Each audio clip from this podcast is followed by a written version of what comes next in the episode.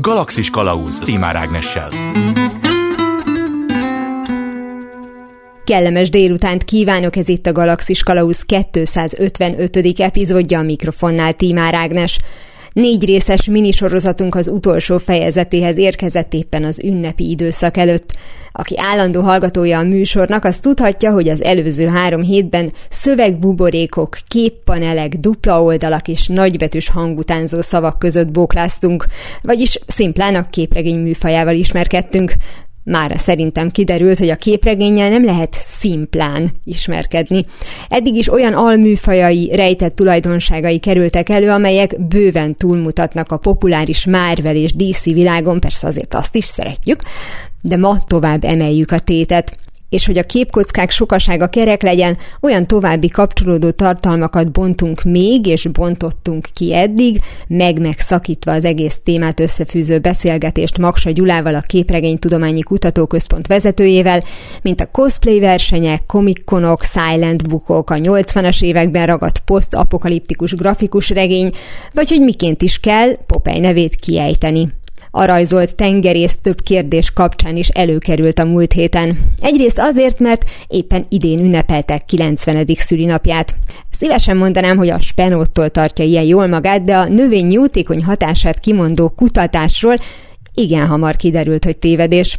Erich von Wolf jutott arra a megállapításra 1870-ben, hogy 100 g spenót 35 mg vasat tartalmaz. Ez valóban kiemelkedő lett volna, ha a tizedes vesző oda kerül, ahova szánta a kutató. Valójában tehát 3,5 mg-os penót vas tartalma. Csak összehasonlításképpen ennél több vas van az őszi barackban, de még a kakaóban is. Utóbbi elfogyasztására viszont nem kellett volna egy egész rajzfilm sorozattal buzdítani a gyerekeket. 1937-ben, vagyis viszonylag hamar korrigálták Wolf tévedését, de nem kavart nagy port a hír, vagy talán nem is törekedtek széles körben terjeszteni azt, ugyanis Popeye népszerűsége miatt az Egyesült Államokban az 1930-as években 33%-kal megnőtt a spenót fogyasztás. Ezen okok, és hogy egyre több amerikai számára volt elérhető a tévékészülék, az 1950-es években kisképernyőre is megérkezett a 108 részes mese Popeye a főszerepben, és ahogy illik a sorozat alkotói között egy magyar származású rajzoló, Záboli Béla is fontos szerepet töltött be. És a másik ok, amiért a múltadásban beszéltünk Popeyről, hogy rajta és törperősön kívül nem találtam más híres animált karaktert, aki ki lenne varva. Ebben kértem hallgatói segítséget, és kaptam is, amit nagyon köszönök. Többek között Pókember neve került elő, aki állítólag a csuklóján visel pók tetoválást, és ez valamilyen módon a pókos képességeivel is összefügg. Én nem emlékszem rá, de őszintén, mivel már képregény korában is volt belőle csodálatos, fantasztikus, meg talán natúr is, aztán három különböző módon filmen is elmesélték a történetét, majd a pókverzum jött, ahol több volt a pókember, mint a nem pókember, szóval már csak a nagyszámok törvénye alapján is jogos lehet, hogy legalább az egyiknek van tetoválása és ha már Marvel, egy kevésbé vidám példa jutott azóta eszembe, amely egyben rámutat az alkotók Stanley és Jack Kirby bátorságára is. Sokakból a kirekesztés megtapasztalása később az általánosnál nagyobb mértékű elfogadást vált ki, mások esetében azonban a megaláztatás és az életveszély állandósult érzése bosszút érlel. Az X-Men előzmény történetében Erik a családjával együtt koncentrációs táborba kerül zsidó származásuk miatt. Az ő karjára ekkor került tetoválás. A fiú különleges képességére, hogy fém alapú tárgyakat tud mozgatni, éppen itt derül fény. Később az X-Menhez még Erikként csatlakozik, de végül a bosszút választva a főgonosz magnetóként lép ki a csapatból. A történet bátorsága pont az, hogy milyen árnyaltan képes kezelni ezt az érzékeny alaphelyzetet. A populáris műfajban tényleg ritka ennyire közelíteni a realitáshoz, még szerencse, hogy vannak más típusú képregények is, a mai adásban ezekről lesz elsősorban szó. Alapjuk a valóság, és így a szórakoztatás mellett vagy helyett az informálás válik a feladatukká.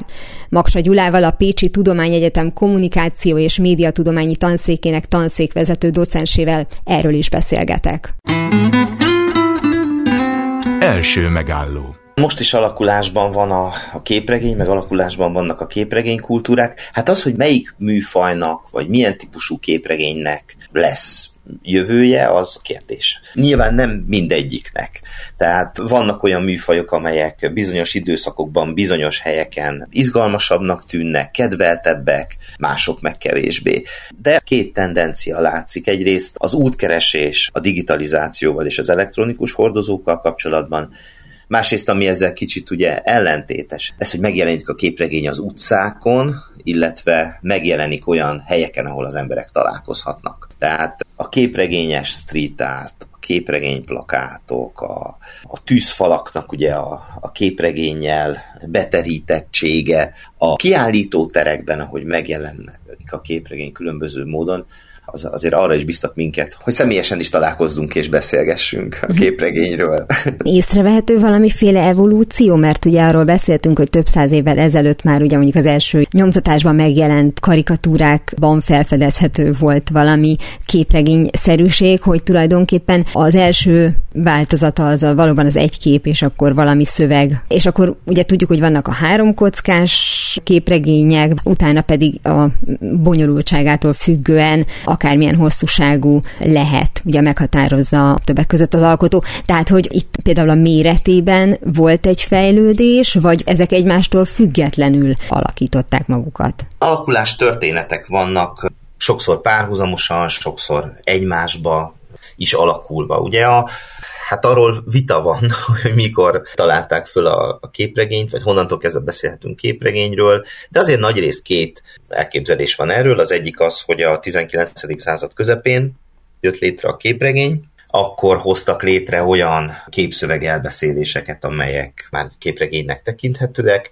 és akkor ezek a képszöveg elbeszélések, ezek például a mondjuk a képregény feltalálójának is tartott a svájci Rodolf Töpfer esetében, ezek könyvek voltak, olyan könyvek, nevezhetjük ezeket albumoknak is, amelyek tartalmazták ezeket a viszonylag hosszabb elbeszéléseket. A képregénynek ez a második feltalálása, vagy születése, vagy kialakulása, az viszont a nagy példányszámú nyomtatott sajtó révén jött létre, döntően Észak-Amerikában. És akkor ugye ennek a sajtónak a követelményeihez való igazodás alakította a műfajakat. De persze nem feledkezhetünk el arról sem, hogy már a 19. században kontinentális Európában, például Magyarországon Jókai Mórnak a kiadványaiban is voltak olyan képszöveg elbeszélések, amelyeket tekinthetünk képregényeknek, vagy előképregényeknek, vagy korai képregényeknek. És szeretném megemlíteni azt, hogy ez a fajta kísérletezgetés, meg alakulás, meg más médiumokkal való találkozások,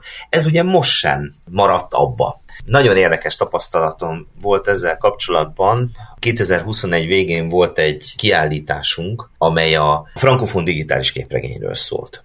És a kiállítást azzal a koncepcióval rendeztük, hogy pont azokat az utakat, azokat a lehetőségeket, azokat a kísérleteket néztük meg, amelyek hát a képregény és a digitalizáció és az elektronikus hordozók révén adódnak. Tehát voltak Instagram képregények, voltak olyan képregények, amelyek inkább ugye videójátékosítás felé hajlottak, voltak képregények, amelyek inkább az animáció felé mozdultak el, és voltak az augmentált valóság irányába mozduló képregényes alkotások, tehát ezt úgy érdemes elképzelni, hogy nyomtatott könyvet látunk magunk előtt, de a nyomtatott könyvben van olyan illusztráció, amelyre, hogyha rámegyünk egy speciális applikációt működtető tablettel, akkor animálódik ez az illusztráció. Tehát nagyon sokféle lehetőség adódik, vagy volt olyan alkotás, amely a képregényeknek az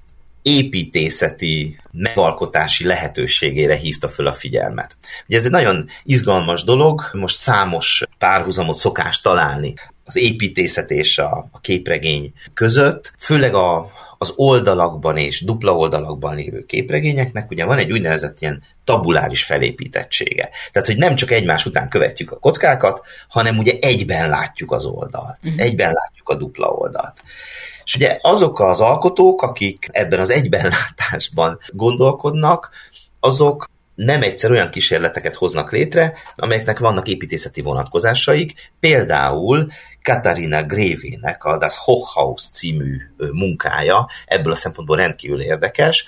Itt egy olyan panelházról van szó, egy olyan panelháznak a képéről, ahol az egyes emeletek ilyen comic strippekként jelennek mm. meg. Van könyvváltozata is ennek a munkának, de van plakátváltozata is, tehát egyben is látjuk azt a 102 emeletet. És van webképregény változata is, ahol ugye egy lifttel tudunk mozogni ebben a házban, ahol ugye az egyes emeleteken lévő történések egymásra is utalnak. De van már egy olyan képregény sorozat is, a frankofon képregény sorozat, ami éppen, hogy ezt a fajta épületszerű alakítottságot használja ki, tehát ott a sorozatnak minden darabja egy-egy épületnek a megszerkesztettsége által meséli el a történetet. Az előbb eszembe jutott arról, hogy ugye egy megfelelő applikációval, hogyha a képre valaki rá kattint, akkor megjelenik az animált változata, ami önmagában zseniális szerintem, de hirtelen eszembe jutott, hogy egy mémet kirakott valaki, egy QR kódot, és az volt fölírva, hogy házi áldás, és azt hittük, hogy vicc, és működik. Tehát rámentünk, és tényleg kihozta Igen. szövegben a házi áldás. Szó volt ugye arról, hogy a média különböző műfajaival köt egy ilyen szerződést, a képregény és kezd el együtt működni. Az interjú előtt beszélgettünk, és akkor említetted a, talán jól mondom, hogy képregény riportot, vagyis hogy a, a hírfogyasztás, illetve a híradásnak a területén is megjelenik a képregény, és bármennyire kreatívan hangzik a dolog, most én nem látom benne azt a pluszt, ami a hírfogyasztónak többet ad, mint hogyha a híreket meghallgatná vagy megnézni. Az úgynevezett lassú újságírás részeként vannak különböző, azt lehet mondani, hogy kísérletek, de azért már egy kicsit több, már előre haladottabb állapotban vagyunk. Tehát ugye az a típusú újságírás, a lassú újságírás, ami hát ilyen elmélyültségre, reflexióra késztető újságírás. Tehát ugye a, a tényfeltáró újságírásnak számos példája is ilyen. Tehát kicsit a pillanatra való fókuszálás vagy a, a direkt-tel szemben megy ez a tendencia, mm. ez a, a lassú újságírásnak ez a tendencia, és ennek részeként is lehet érteni a képregényes újságírást, a képregény riportokat. A képregény riportoknak a, a műfai jellegzetességei nagyjából a Joe Sacco, máltai származású észak-amerikai képregény riporter munkáiban kristályosodtak ki, akinek a 90-es években született számos meghatározó riportja, izraeli-palesztin konfliktus kapcsán, illetve a délszláv háború kapcsán. Egyéb riportjai is vannak, de azok a riport könyvek azok, amelyek a leghíresebbek lettek. Ugye a képregény riportok megjelenhetnek heti lapokban, számos olyan heti lap van, amely nyitott a képregény riportok számára, de önálló képregény könyvekben is, tehát ilyen graphic novel formátumban és az a jellegzetességük, tehát mind a mellett, hogy az az előnyük is megvan, hogy esetleg bizonyos konfliktus helyzetekben nem annyira föltűnő, vagy nem annyira irritáló egy rajzolónak a jelenléte, mint hogyha mondjuk valaki egy rögzítő eszközzel, egy más típus elektronikus rögzítő eszközzel lenne jelen. Mind a mellett az a, az a jellegzetességük, hogy az ábrázolthoz való viszonyát az alkotónak, tehát a benyomásait a terepen, azt színre tudják vinni. Tehát ez egy hangsúlyozottan nem objektív újságírás típus. Ez a riportra is igaz tulajdonképpen, hogyha a benyomásait leírja a szerző, akkor Igen. valamilyen szinten egy véleményt mégis csak kapunk tőle. Igen. Sokszor saját magát is belerajzolja egyébként ezekbe a riportokba, a képregény riporter.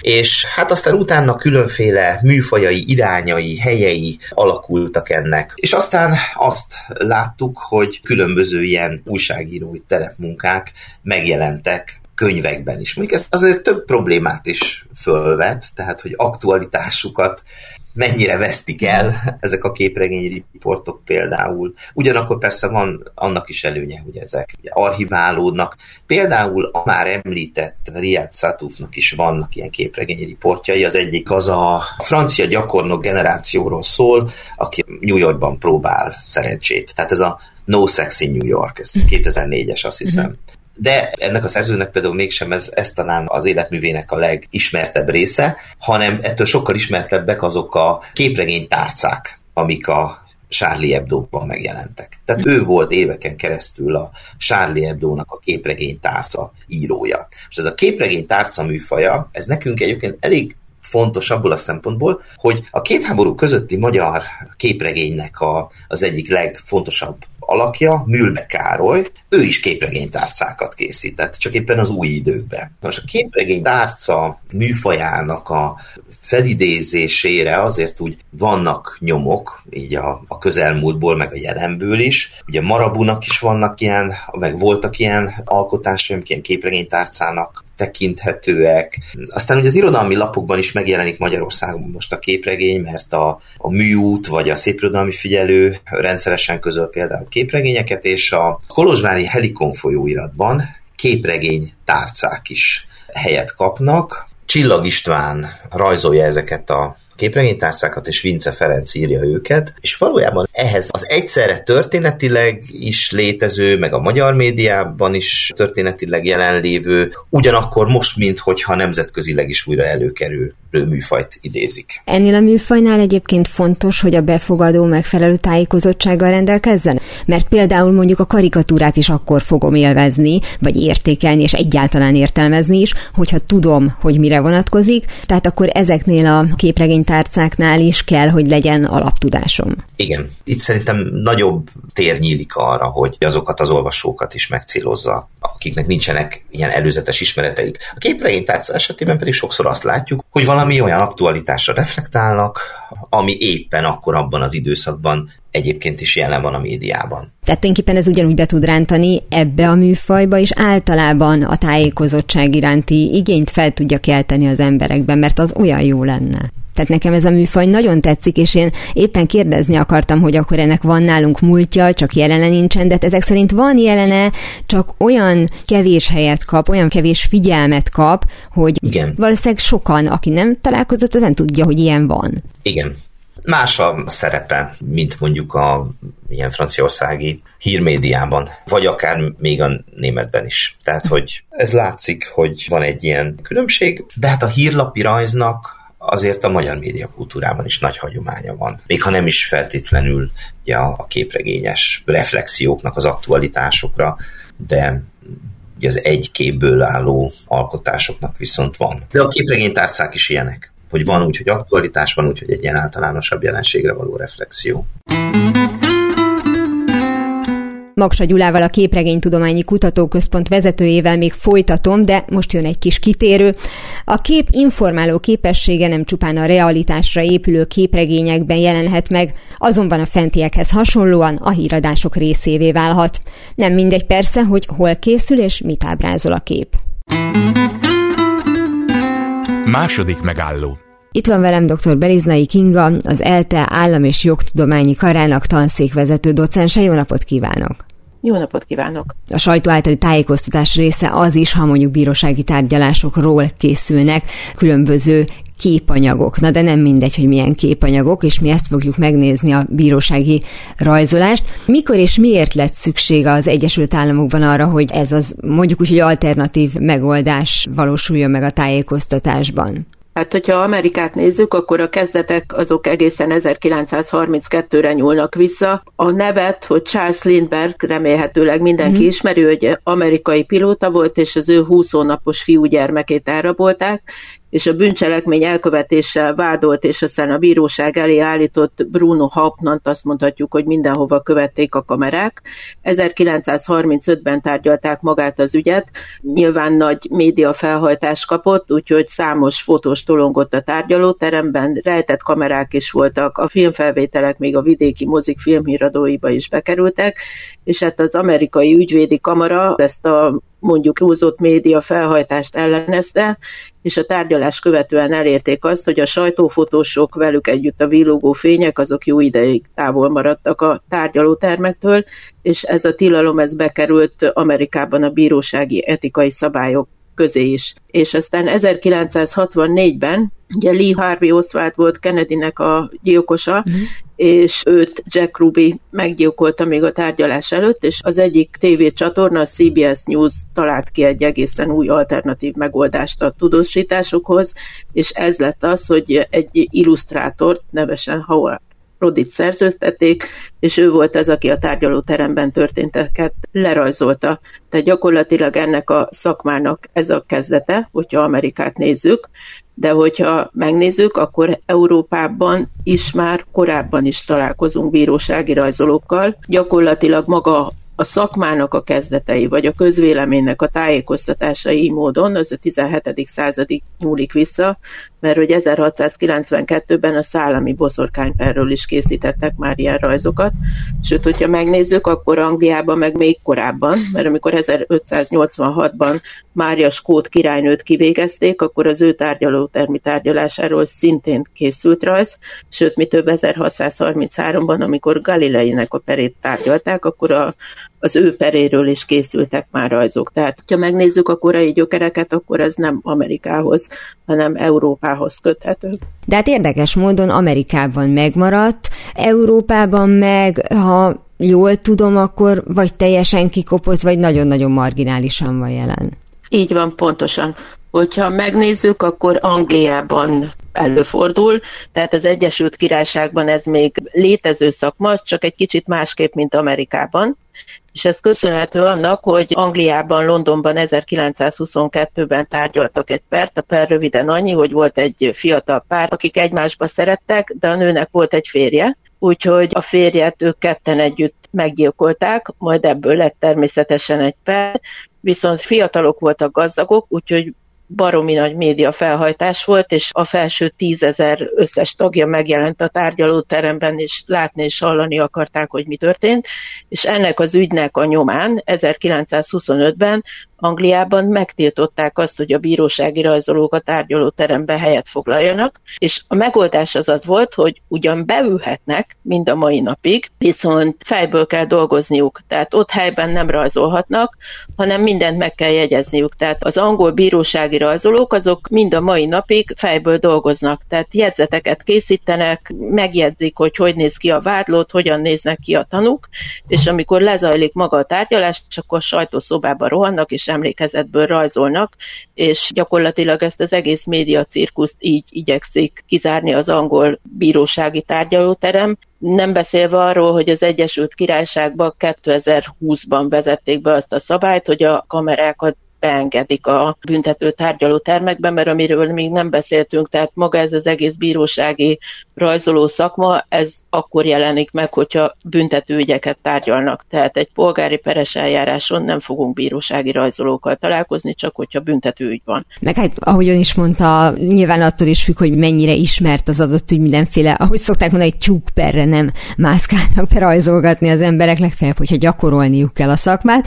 De egyébként pont ezzel a példával szerintem a legfontosabb kérdéshez eljutottunk, ez azért mondjuk úgy, hogy egy, egy működő megoldás, mert a közvéleménynek joga van tájékozódni. De hogyha mondjuk Angliában azt mondták, hogy jó, hát ide most nem jöhet be senki, de emlékezetből rajzolja le, hát ott már van egy, egy torzulási vagy torzítási lehetőség. De hát alapvetően az egész műfaj arról szól, hogy nem olyan objektív, mint egy fénykép. Hogyha tárgyalás közben a mi bírósági rajzolónknak már nem szimpatikus a vádlott, akkor lehet, hogy ösztönösen gonoszabbra fogja rajzolni, leegyszerűsítve. Tehát, hogy ez gondolom az első pillanattól felmerült, hogy mennyire lehet hinni ezeknek a rajzoknak, és hogyha van bennünk bármilyen kétség, akkor érdekesen nekünk ezt megnézni mondjuk az újságban.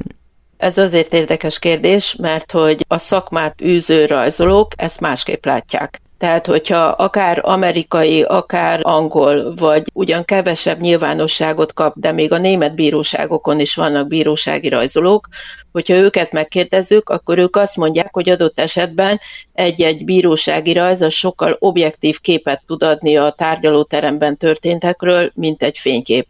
Mert hogy a rajzolók azt mondják, hogy ők sokkal inkább el tudják kapni az egész tárgyalásnak a hangulatát, meg a drámai pillanatokat, mint azt teszi egy fénykép. Meg hogyha pro-kontra érveket állítunk, hogy most mi a jobb a bírósági rajz megtekintése, vagy hogyha megnézek egy fényképfelvételt, akkor gyakorlatilag mind a kettő ellen mellett vannak érvek ellenérvek, mert hogyha csak a kamerákat nézem, ugye jó pár ember van, aki szereti a nyilvános szereplést, de adott esetben, hogyha ezt egy bírósági tárgyaló teremre lebontom, akkor hogyha teszem azt egy személyiségzavarral küzdő vádlottal van dolgunk, akkor az kiéli a szereplési vágyát, és adott esetben, és ennek vannak forrásai, adott esetben teljesen más vallomás fog tenni a főtárgyaláson, mint ahogy azt az előzetes vizsgálatok vagy a nyomozás folyamán megtette. De ugyanez igaz, akárhogy is nézzük, egy ügyvéd esetében is, aki, hogyha kamerát lát, akkor csillog, villog, és annak megfelelően áll be például, hogy éppen a kamera milyen szögből veszi, és erre fogja a hangsúlyt helyezni. És hogyha megnézem a másik oldalt, akkor persze van egy csomó ember, aki pedig óckodik a, a nyilvános szerepléstől, sokkal idegesebb lesz, sokkal bizonytalanabb lesz, modoros lesz, nem tudja, hogy hogy használja a szavakat, és hogyha megnézzük a bírósági rajzolás, az meg egy csendes tevékenység, ennek a másik része persze az, hogy milyen munkakörülményei vannak a bírósági rajzolóknak, mert adott esetben olvashatunk olyanról, hogy a közönség soraiban kaphatnak helyet, de lehet, hogy pont előtt van egy oszlop, tehát nem, nincsen kiemelt helyük adott esetben, de mindezzel együtt olyan per is volt, ahol a maga a tárgyalás vezető bíró törekedett arra, hogy a bírósági rajzolók mindent jól lássanak, és akkor az első sorba kaptak helyet.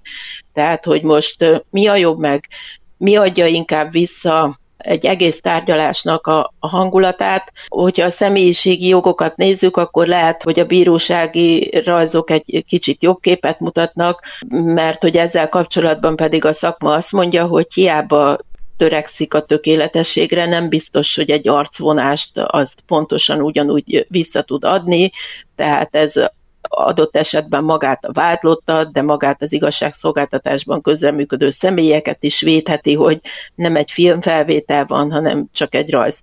Meg ami számomra elgondolkodtató, hogy, és most Amerikáról beszélek elsősorban, hogy ott gyakorlatilag valamennyi tárgyalás YouTube-on nyomon követhető akiket mindenki ismer, 2022 nyarán volt Johnny Depp és Amber Hardnak a pere, napra készen nyomon lehetett követni filmfelvételek útján, hogy mi történik a tárgyalóteremben ennek ellenére a bírósági rajzolók is ott voltak. Tehát, hogyha Amerikát nézem, akkor ennek olyan hagyománya van, hogy szerintem már elképzelhetetlennek tartják a tárgyalásoknak a lebonyolítását bírósági rajzolók nélkül. Igen, lehet, hogy ez, ez ad hozzá egy plusz hangulatot, mert ha már ezt a pert említette, és ön is kiemeltem mondjuk a cikkében, meg hát nagyon sokan foglalkoztak azzal, hogy hogyha valaki, tehát ez a bizonyos bírósági rajzoló, mert nyilván több kép is készült, nem írja oda, hogy Johnny Depp, akkor senki nem tudja, hogy az Johnny Depp. Tehát, hogy, hogy azért ilyenkor fel felmerül valóban, hogy honnan tudjuk azt, hogy egyébként az illető, aki készítette a képet, az mennyire tehetséges, vagy, vagy mennyire hiteles. Erre majd szeretnék kitérni, viszont az előző ön által említett problémára nevezetesen, hogy akár a tanúk, a vádlottak, az ügyvédek máshogy viselkednek, hogyha kamera is jelen van, szintén az említett cikkben az O.J. Simpson per kapcsán írt erről. És ott ugye eleve felmerült az, hogy azért akarta a bíró beengedni a médiát, hogy talán pont ezzel kerüli el a, az esetleges hisztériát, ami előtte, meg utána, meg közben, meg folyamatosan megy, hogy inkább akkor közvetítsék, lássa mindenki, hát és ahogy ön is írja, pont az ellenkezőjét ért el. Egyébként ez akkor vissza is vetette a dolgot, tehát azt mondták, hogy jó, megpróbáltuk, akkor, vagy legalábbis konkrétan ez a bíró, mert mindegyiknek azért van saját jogköre, hogy ezért is jobb az, hogyha mindenki bejön papírral, ceruzával, és nem kattognak, meg nem, nem kameráznak. 1994-ről beszélünk, és valóban, tehát a bíróság elnöke az O.J. Simpson perben a vád és a védelem átláthatósági kérelmének elegettéve engedte be a televíziós kamerákat a tárgyalóterembe, úgyhogy akkor a bírósági rajzolók azt gondolták, hogy kész vége a szakmának, de ahogy ön is említette, a bírónak a döntése visszafelé sült el, mert hogy a tárgyalás tekintélye az szinte teljesen odaveszett, és a nagyobb szenzáció reményében, pont amit az előbb említettem, a tanúk között voltak olyanok, akik teljesen más vallomást tettek a tárgyaláson, mint az előzetes meghallgatás során, az ügyvédek némeike pedig inkább a kamerákat igyekezett lenyűgözni, és a védőbeszédét azt a legjobb kameraszögben adja elő. Visszatérve arra, amit a Johnny Depp per kapcsán mondott, hogy a YouTube-on lehetett követni, hogy egyébként ennek az volt a, a módja vagy oka, hogy bárki, aki ott volt, az a telefonjával tudta rögzíteni, vagy erre volt bármilyen engedély, tehát hogy hogyan lehetett mégis akkor megoldani? Ez csak és kizárólag a bíróság engedélyével, egyébként ez nem történhetett volna meg. Hát de akkor végképp nem értem a dolgot, már olyan szempontból, hogy itt, ebben a pillanatban miért nem ijedtek meg a bírósági rajzolók, ugyanis lehet, hogy most még az a, a jellemző, hogy, hogy elengedhetetlen része az ilyen jellegű tájékoztatásnak, hogy legyenek ilyen bírósági rajzok, de hát azért látjuk, hogy minden médium, és ez Egyesült Államokban is próbál spórolni, olyanra nem kiadni, amire nem kell. Na most, hogyha ő ingyen elér egy YouTube felvételt, vagy mondjuk csak a jogdíjat fizeti ki érte, akkor nem fogja kérni a bírósági rajzot, azért neki mégiscsak a videóanyag sokkal értékesebb lesz. De hogyha a közvélemény tájékoztatását nézem, akkor meg nem hiába való véleményem szerint a bírósági rajzolás, mert az, hogy az ember órákra odaül és követ egy tárgyalást a YouTube-on, ez kevésbé életszerű, de az, hogy éppen egy bírósági napon mi történik, és ahhoz kapok illusztrációkat, az a közvélemény számára elegendő tájékoztatást nyújt. Ugyan a, a mai magyarországi bírósági tárgyalóteremben bírósági rajzolókat nem látunk, viszont hogyha a 20. század elejét megnézem, akkor bírósági rajzok megjelentek nálunk is a különböző napilapokba. Két per jutott eszembe, ami ezzel kapcsolatban példaként említhető. 1927-ben volt egy törvényszéki bíró, akit Nagy Istvánnak hívtak, ő csődügyekkel foglalkozott elsősorban, és őt megvesztegetés gyanújával állították aztán perbe, mert hogy ügyvédekkel összejátszva ezek elég jó pénzt hozó ügyek voltak, tehát ügyvédeknek meghatározott feltételek mellett adtak ki ezeket az ügyeket természetesen. Számára is hasznot hoztak ezek, és például 1927 márciusában, amikor az ő kihallgatása zajlott, akkor a Friss Újság nevű újságunk az több illusztrációt is közölt erről. Tehát nálunk is voltak bírósági rajzok, vagy ugyanebből az időszakból, ami nagyobb vihart kavaró ügy volt, az 1930-as évek elején Dré Imre akkori népjóléti államtitkárt hűtlen kezeléssel vádolták, és az ő perét is nyomon követte a sajtó, ez megjelent rajzokban, illetőleg, hogyha megnézzük, akkor fényképek is születtek a különböző napilapokban ebben az időszakban erről a perről, Töreki Gézáról, aki a bíróságnak az elnöke volt, illetőleg magáról Dré Imréről is, a tanukról is, tehát ez a fajta tájékoztatás megjelent nálunk is, csak mára valahogy ez kikopott, meg nincs akkora hagyománya, mint volt Amerikában, meg Angliában. Meg ahogy említettem, Németországban is működnek bírósági rajzolók, de róluk sem nagyon hallunk. Ebből a példából én legalábbis arra következtetek, hogy az adott napilap, na akkor te olyan jól rajzolsz, mondta az egyik kollégának, akkor menj ki, és akkor valamilyen módon mégiscsak örökítsük meg ezt a dolgot. Azt gondolnám, hogy az eleje az mégiscsak ez, hogy ott nem volt semmiféle hitelesítés arról, hogy ki kicsoda és mit csinál. Most van annak valamilyen kötelező jellege, hogy az, aki készít ilyen bírósági rajzot, és akinek a rajza aztán megjelenik valamilyen napilapban, vagy bármilyen média orgánumban, akkor ő neki rendelkeznie kell ezzel és ezzel a végzettséggel, vagy ilyen és ilyen papírral, vagy csak elég, hogy a, az adott orgánumnak a munkatársa. Ez így van, ahogy mondja, tehát illusztrátorokat alkalmaznak a bíróságok, Amerikában, Angliában egyaránt, de ez tehetség kell, de hogy pont végzettség, sehol ilyen adatot erre nem találunk, hogy csak és kizárólag olyan személlyel dolgoztatnak, akinek kifejezetten van erre végzettsége. A tehetség, a jó megfigyelő képesség, a gyorsaság, ezek azok a követelmények, amik elsődlegesek. Ha már itt tartunk, az említett tulajdonságok mindegyike jól jön több más szakma esetében is, így a bírósági rajzolás mellett a színészetben. Harvey Keitel például mindkettőben kamatoztatta ezeket a képességeit. Habár volt ő női cipőárus is és tengerész, ezeken a területeken is előnyt jelent a gyorsaság, vagy éppen a jó megfigyelő képesség. Jól tudjuk, hogy végül mely szakmát választotta. Hogy a döntéseiben határozott, az igen korán kiderült, Brooklyni gyerekkora nem engedett nagy mozgásteret. A szülei révén hithű askenázi zsidó életet élt, a vallás szabta szűk keretekbe azonban nem fértek bele hősei, Marlon Brando vagy éppen James Dean, ahogy a saját jövőjével kapcsolatos álmai sem. Az első adandó alkalommal kitört a biztonságot adó és fegyelmet követelő zárt közegből, és 16 évesen csatlakozott a haditengerészethez. A leszerelés után jöttek a fenti változatos munkák, ez már elég tapasztalatnak bizonyult, hogy mindannyiunk örömére beiratkozzon egy színészképzőbe, hogy aztán bebizonyítsa, mihez is van valójában tehetsége, olyan filmekben, mint a Ponyvaregény, a Zongoralecke, vagy éppen a taxisofőr.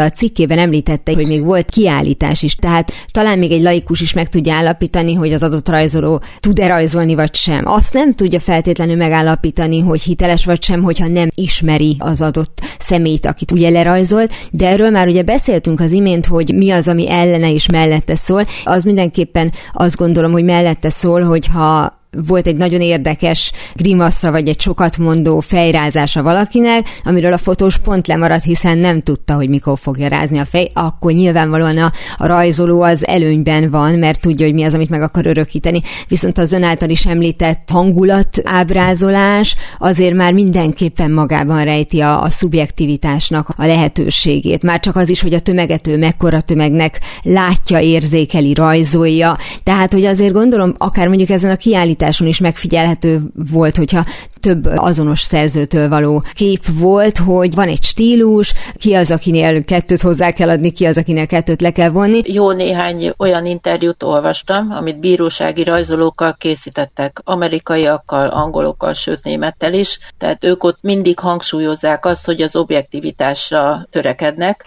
és elmondják azt is, ami szerintem viccesebb, hogy adott esetben, amikor elkészülnek ezek a rajzok, és a vádlott és a tanúk is nyilvánvalóan megnézhetik, mert hogy ezek nyilvánosak, akkor van, hogy ők panaszkodnak. Tehát van, aki például arról panaszkodott, az egyik interjúban lehetett olvasni, hogy kevesebb hajat rajzolt neki a rajzoló, mint amennyi van. Vagy az egyiknek, mit tudom én, nem olyan szép volt az álla, mint kellene, és akkor azt kifogásolta, hogy a rajzoló miért nem szépített az állán. Tehát ilyenekkel is találkozunk, de nyilvánvalóan ezek hát ilyen külsőségek, amik nem feltétlenül a tárgyalásnak az objektivitásával kapcsolatosak. Ha már itt tartunk, hogy a későbbi kellemetlenségeket kivédje, van, aki elébe megy a rajz esetleges és általa vélt hibáinak. Még november elején került sor az első meghallgatásra a Trump család cége elleni polgári peres eljárásban. Donald Trump Jr., vagyis a volt elnök legidősebb fia a tárgyalás szünetében adta le instrukcióit a bírósági rajzolónak. A Reutersnek dolgozó Jane Rosenbergtől azt kérte, szexisre rajzolj. Még ötleteket is adott a nőnek, hogy a korábban leültetett bukott kriptomogul Sam Bankman-Friedről készült alkotás jó irány lenne. Az kevéssé zavarta az ifjabb Trumpot, hogy a példaként felhozott rajzot nem is Rosenberg készítette. Az én ismereteim azt mondják, hogy ezek a bírósági rajzolók, ezek valóban a, az objektivitásnak a megörökítésére törekednek, akár abban a tekintetben, hogy az elnöklő bíró hogyan miként viselkedik, a vádlott hogyan áll vagy ül és beszél, hogy éppen a tárgyalóteremben a nyilvánosság elvéből adódóan hányan vesznek részt. Az általam ismert képek, ami azért nem kevés, ezt az objektivitást tükrözi. Említette a személyiségi jogokat ebben az esetben. Ilyenkor mi vonatkozik az emberekre? Mert hogyha tényleg mondjuk lehetséges akár YouTube-on végig kísérni egy tárgyalást, ebben az esetben olyan emberek is láthatóvá válnak, akik nem feltétlenül vágytak erre. A rajz ebből a szempontból valahogy kikerül ez alól a kör alól, mert mégiscsak, hogyha lerajzol valakit, és mondjuk tényleg egy hiteles képről van szó, akkor ebben az esetben, ha személyiségi jogokról van szó, akkor kevesebbnek számít mégis, mint a fénykép vagy a videófelvétel? Két évvel ezelőtt, 2021-ben született erre külön egy törvény, és ennek a törvénynek épp az a lényege, hogy a szövetségi bíróságokon csak meghatározott feltételekkel készülhetnek fényképek, illetőleg kép és hangrögzítése, és magának az elnöklő bírónak a mérlegelési jogkörébe tartozik ennek a törvénynek az értelmében, hogy a tévékamerákat beengedi vagy sem a tárgyalóterembe, és hogy egyáltalán hozzájárul-e, tehát az elnöklő bíró dönt ahhoz, hogy a tárgyalásnak a média közvetítéséhez egyáltalán hozzájárul-e. És hangsúlyozza ez a törvény azt is, hogy a közvetítésre csak és kizárólag a tanúk és az esküdtek személyiségi jogainak sérelme nélkül kerülhet sor. Ennek a törvényjavaslatnak a benyújtóját Chuck Grassley szenátornak hívták, és ő a törvényjavaslat benyújtásával együtt kiemelte azt, hogy a szövetségi bíróságok az igazságszolgáltatás és a jogviták tisztességes rendezésének a helyszínei, és ugye itt olyan döntések születnek, amelyek sok esetben generációkon átélve befolyással bírhatnak az amerikaiak életére, és teljesen természetes dolog az, hogy az amerikai állampolgárok jó részének az életben nem lesz lehetősége arra, hogy belépjen egy tárgyalóterembe, tanulja legyen egy bírósági tárgyalásnak. Így ennek a szenátornak az volt a véleménye, hogy az amerikai igazságszolgáltatás, amely az amerikai demokrácia égköve, de a technológia fejlődésével párhuzamosan az átláthatóságnak is szintet kell lépnie.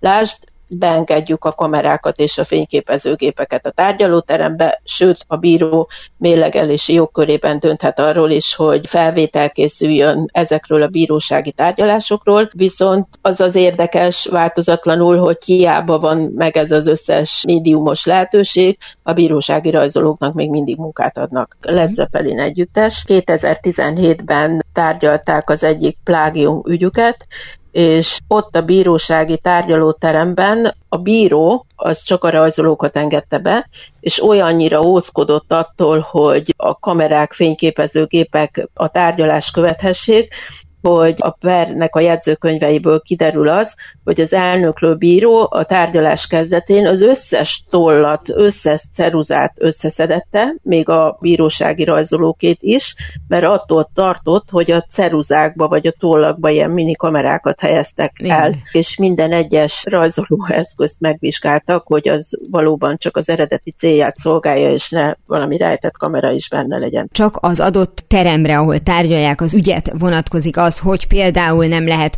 kamerával, fényképezőgéppel bemenni, ahol éppen van egy ilyen kérése a bírónak. Ilyenkor meg van határozva, hogy mégis meddig mehetnek be? Igen, de ugye mindig a bírósági tárgyalóterem a, a lényeg, uh-huh. hiszen ott történnek az események. A sajtót adott esetben az utcán megfékezni nem nagyon lehet, bár ennek is megvannak a szabályai, meg a lehetőségei, és a nyilvánosság korlátozása, kizárása, vagy a nyilvánosság beengedése, ennek megvannak természetesen a jogszabályi háttérszabályai, és mint ilyen a konkrét szabályozás mellett a bírónak megvan szintén meghatározott feltételekkel a diszrecionális jogköre ezzel kapcsolatban. Amerikában ugye 47 állam már tulajdonképpen lehetővé tette azt, hogy bemehessen kamera, Igen. de ezekben az esetekben is akkor ezek szerint a bíró mondjuk úgy, hogy felülírhatja ezt. Igen, mert hogyha most általában véve nézem, és nem csak Amerikára vonatkoztatom, hogyha teszem azt, a sértett egy kiskorú személy, akkor a, a bírónak kötelessége a nyilvánosságot kizárni, vagy hogyha az ügy sajátosságából fakadóan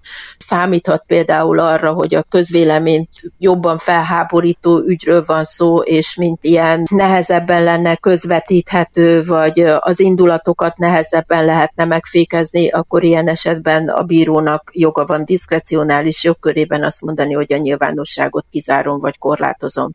A franciákról nem nagyon beszéltünk, uh-huh. de ugye a 19. században volt egy francia karikaturista, Honoré Daumier. Ő kifejezetten egy olyan litográfia sorozatot készített, amely az igazságszolgáltatásban dolgozókról készült. És hogyha az ember megnézi ezeket a képeket, akár ügyvédről, akár bíróról, akár más bírósági hivatalnokról, de még talán a jogkereső közönséget is ábrázolja egy-két képén, ott azok a képek nagyon kifejezőek, és nagyon hozzák azt, amiről beszéltünk, hogy a bírósági tárgyalóterem hangulata, az egyes gesztusok, mozdulatok, amiket nem biztos, hogy egy fénykép úgy vissza tud adni. Tehát ugye az a rajzoló, aki már hitelessé tette magát, az tudja mérlegelni, hogy ebben mennyi szubjektivitást vihet, olyan értelemben, hogy mit hangsúlyozhat ki, hogy ne legyen túl hangsúlyozása egy apró momentumnak. Szóval, hogy az, aki érdemessé válik a mások elismerésére, ott tényleg azt gondolja az ember, hogy többet tud adni, mint egy fotó. Tehát, hogyha azt mondjuk egy képről, hogy ezer szó, akkor ez meg mondjuk mondjuk annak a valahányszorosa, mert még akkor plusz Igen. tartalommal is rendelkezik, csak hát ugye ügyelni kell arra, hogy az a tartalom még mindig a valóságnak megfelelő legyen. Ez pedig ugye megint csak a, a média feladata, mert ő lesz az, aki ezt közzéteszi. Így van. Egy fényképnél is, tehát minden függ attól, hogy éppen milyen a kamerabeállítás. Az is lehet szubjektív adott esetben de hogyha az a célunk, hogy a, a nyilvánosságot tájékoztassam, akkor függetlenül attól, hogy most egy fényképészről beszélünk, vagy egy bírósági rajzolóról, az a megbizatásuk az én véleményem szerint, hogy objektíven tájékoztassam a nyilvánosságot, legyen ez egy fényképésznek, vagy legyen ez egy bírósági rajzolónak a munkája. Nagyon szépen köszönöm Beliznai Kingának, az ELTE Állam és Jogtudományi Karának tanszékvezető docensének, hogy beszélgetett velem a bírósági rajzolásról. Köszönöm szépen. Totó, azt hiszem már nem Kenzeszben vagyunk. Habár a bírósági rajzolás értelemszerűen nem tartozik a képregény kategóriájába, ha az eddig megismert valóságábrázoló műfajokra gondolunk, tiszteletbeli tagnak fogadhatnák. Azok, akiknek ehhez joguk van, csak egy ötlet. De még jön néhány ötlet így zárásul, szerencsére Maksa Gyulától is, nem csak tőlem. Lehetne például valóságsó képregényben, tehát azt még el is lehetne most adni. Tényleg bármivel össze tud kapaszkodni. Most a színházi közvetítés jutott még az eszembe. Van egy ismerősöm, aki színházban az előadásokon grafikákat készít, de a saját szórakoztatására, hogyha egy jelenet nagyon megragadja. Igen a képzeletét. Tehát itt szerintem ez nem csak csinálni, ezt nézni is szereti az ember, ez nem olyan, mint a karaoke. Koncertkritikák például léteznek képregényes formában. Ne! De. Most azért volt ez a, ez a teljesen gyermeki felkiáltás, mert hogy azért ez olyan műfaj, amihez a zenét így ismernünk kell. De mondjuk végül is a maga a koncertkritika is az csak a szavakból áll, tehát hogyha van előzetes ismeretünk, még be is lehet linkelni, hogyha digitális. De nálunk van, vagy... Én nyomtatottat ismerek, csak mm-hmm. nem, nem, nem, nem. Én egy nyomtatott sorozatot ismerek, amit kiadtak így aztán albumban. Hát nagyon szubjektívek, tehát ilyen mm-hmm. sokkal inkább a benyomások, de funkcionálhat kritikaként is. Mm-hmm. De eléggé ilyen impressionisztikus.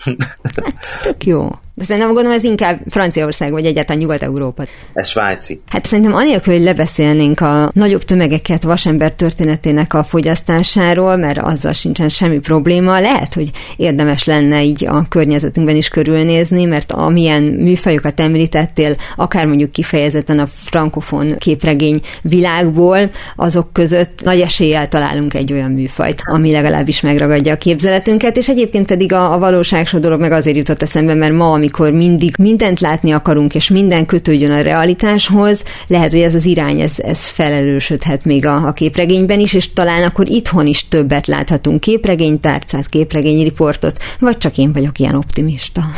Igen, és lehet, hogy nem is kell valóban olyan nagyon messzire nézni. Tehát a Lengyelországban, Csehországban, olykor Romániában is vannak olyan alkotások, amelyek izgalmasak lehetnek, és néhány ilyen alkotást egyébként le is fordítottak már. Például mondjuk a csehektől az Aloha nevű ilyen történelmi graphic novel, az, ami említhető itt, vagy például egészen új fordítás, egy román képregényt, a Nor vakációja, ami egy kicsit ilyen, ilyen mágikus realista jellegű dolog, azt is lefordították, és, és az is az is így, így hozzáférhető. Tehát, hogy vannak olyan, tehát azért a könyvesboltokban is elő, előfordulnak olyan munkák, amikre oda lehet figyelni, és esetleg, hogyha nagyobb érdeklődés lesz ezen akár környékbeli országokból származó grafikus regényekre, akkor ezt újabb fordítások, és akár máshonnan érkező fordítások is követhetik, amelyek inspirálhatják a, a magyar munkákat. Akkor felvázoltuk a, azt a forgatókönyvet, amelyet kiadóknak követni érdemes, és akkor mi is hozzájutunk magyar nyelven a, ezekhez az izgalmas kiadványokhoz. Maksa Gyula volt a vendégem, a Pécsi Tudományegyetem kommunikáció és médiatudományi tanszékének tanszékvezető egyetemi docense, a Képregény Tudományi Kutatóközpont vezetője. Nagyon szépen köszönöm. Én is nagyon köszönöm képregényről szóló, illetve azáltal keretbe zárt kis sorozatunk a végéhez ért. Azt gondolom, hogy nem csak a borítót, de még az apró betűs részeket is kielemeztük, nem beszélve azokról a témákról, amelyek nem mellesleg, mellesleg kapcsolódtak a képregény műfajához. A jövő héten egy korábbi adásunk ismétlését hallhatják, de januárban már visszatérünk egy új témával, illetve egy olyan új témával, ami kézdöbbenet kapcsolódik az eddig tárgyaltakhoz. Mára ennyi volt a Galaxis Kalauz, hamarosan archívumunkból visszahallgathatják a mai adást is, és ha javasolhatok valamit, akkor az utóbbi négyet hallgassák meg, ha esetleg több kimaradt, mert ezek a részek még a szokásosnál is szorosabban fűződnek egymáshoz. Természetesen jó ideje már podcast formában is elérhető a műsor. A rádió és a Galaxis Kalausz Facebook oldalán további érdekességeket találnak, illetve ha még nem tették, iratkozzanak fel YouTube csatornánkra. Köszöni a figyelmüket a szerkesztő műsorvezető Tímár Ágnes. Viszont hallásra! Viszlát, és kösz a halakat! Ez volt a Galaxis Kalauz. Timár Ágnes műsorát hallották.